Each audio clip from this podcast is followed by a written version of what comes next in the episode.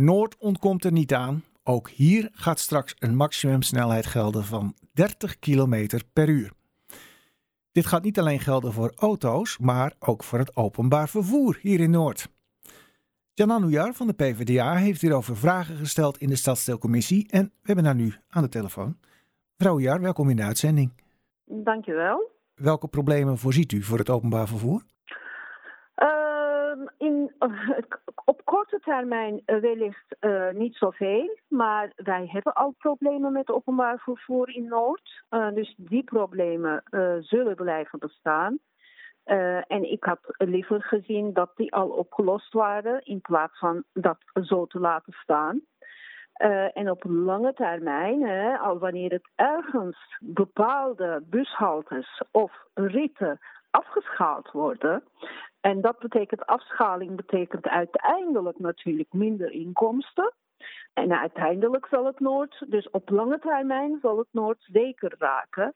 En daarover mis ik een onderzoek. Ja, maar wie er wel 50 km per uur mag blijven rijden, dat zijn de bussen van Ernet, hè? Ja, klopt. Uh, nou, als ik dan met de bus uh, zou gaan, dan zou ik het wel weten. Ik zou het GVB mijden als de pest en in die bussen van uh, Ernet stappen.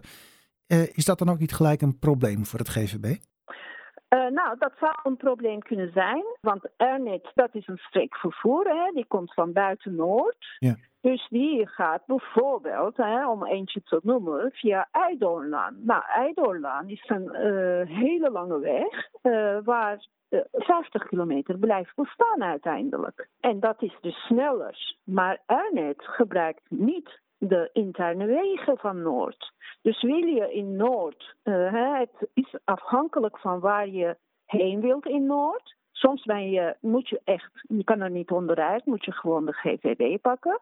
En soms kan je wel de overweging maken dat je er net pakt. Ja, maar dat is dan toch slecht voor het GVB en slecht voor ja, de kwaliteit van het lokale openbaar vervoer in het algemeen?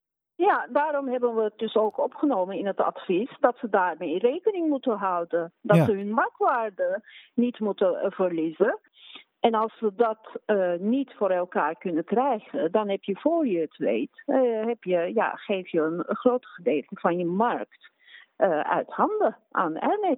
Goed. Eh, want wij willen niet dat ons openbaar vervoer afgeschaald wordt, nog meer dan eerder gedaan is. Goed. Nou, dan eh, misschien een iets eh, vrolijker onderwerp, want eh, er lijkt nog hoop te zijn voor Noord. Het parool meldt dat de Stopera 100 miljoen heeft vrijgemaakt voor een brug over het IJ. Bent u blij? Nou, ik heb er dubbele gevoel over, eigenlijk. Oh. Ja, ongeveer anderhalf jaar terug hadden we 135 miljoen euro gereserveerd geld voor bruggen. Mhm. En die was eh, toen eh, opeens elders eh, uitbesteed eh, om een gat te dichten. Ja, en ja, daar waren we dus minder blij mee. En nu heb ik er dus een dubbele gevoel over. In de zin van, ja, heel fijn dat 100 miljoen er is. Dat is nog steeds weinig dan de 135 die wij hadden toen de tijd. Ja. hè, anderhalf jaar terug. Maar eh, gaan we dit ook behouden? Gaat gemeente Amsterdam hier echt werk van maken? Gaat dit college echt hier een klap op geven? Dat is wat ik al eh, mis. En totdat de klap er is, eh, ben ik een beetje terughoudend wat betreft beleidschap. oké. En stel dat die 100 miljoen nou weer straks in een van de vele gaten verdwijnt die er in de gemeentebegroting zitten. Eh, wat gaat u dan doen? In staking? Nou, dan zijn we, dan, ja, dan, dan, zijn we terug bij af. En dat is niet de bedoeling. Eh, Ja. Want aan de andere kant, we zijn volop aan het bouwen in Noord.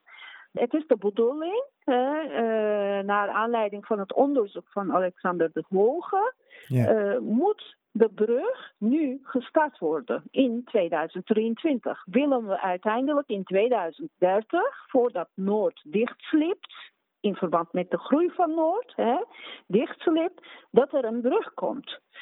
En stel voor dat we nu niet starten, dan zijn we gewoon te laat.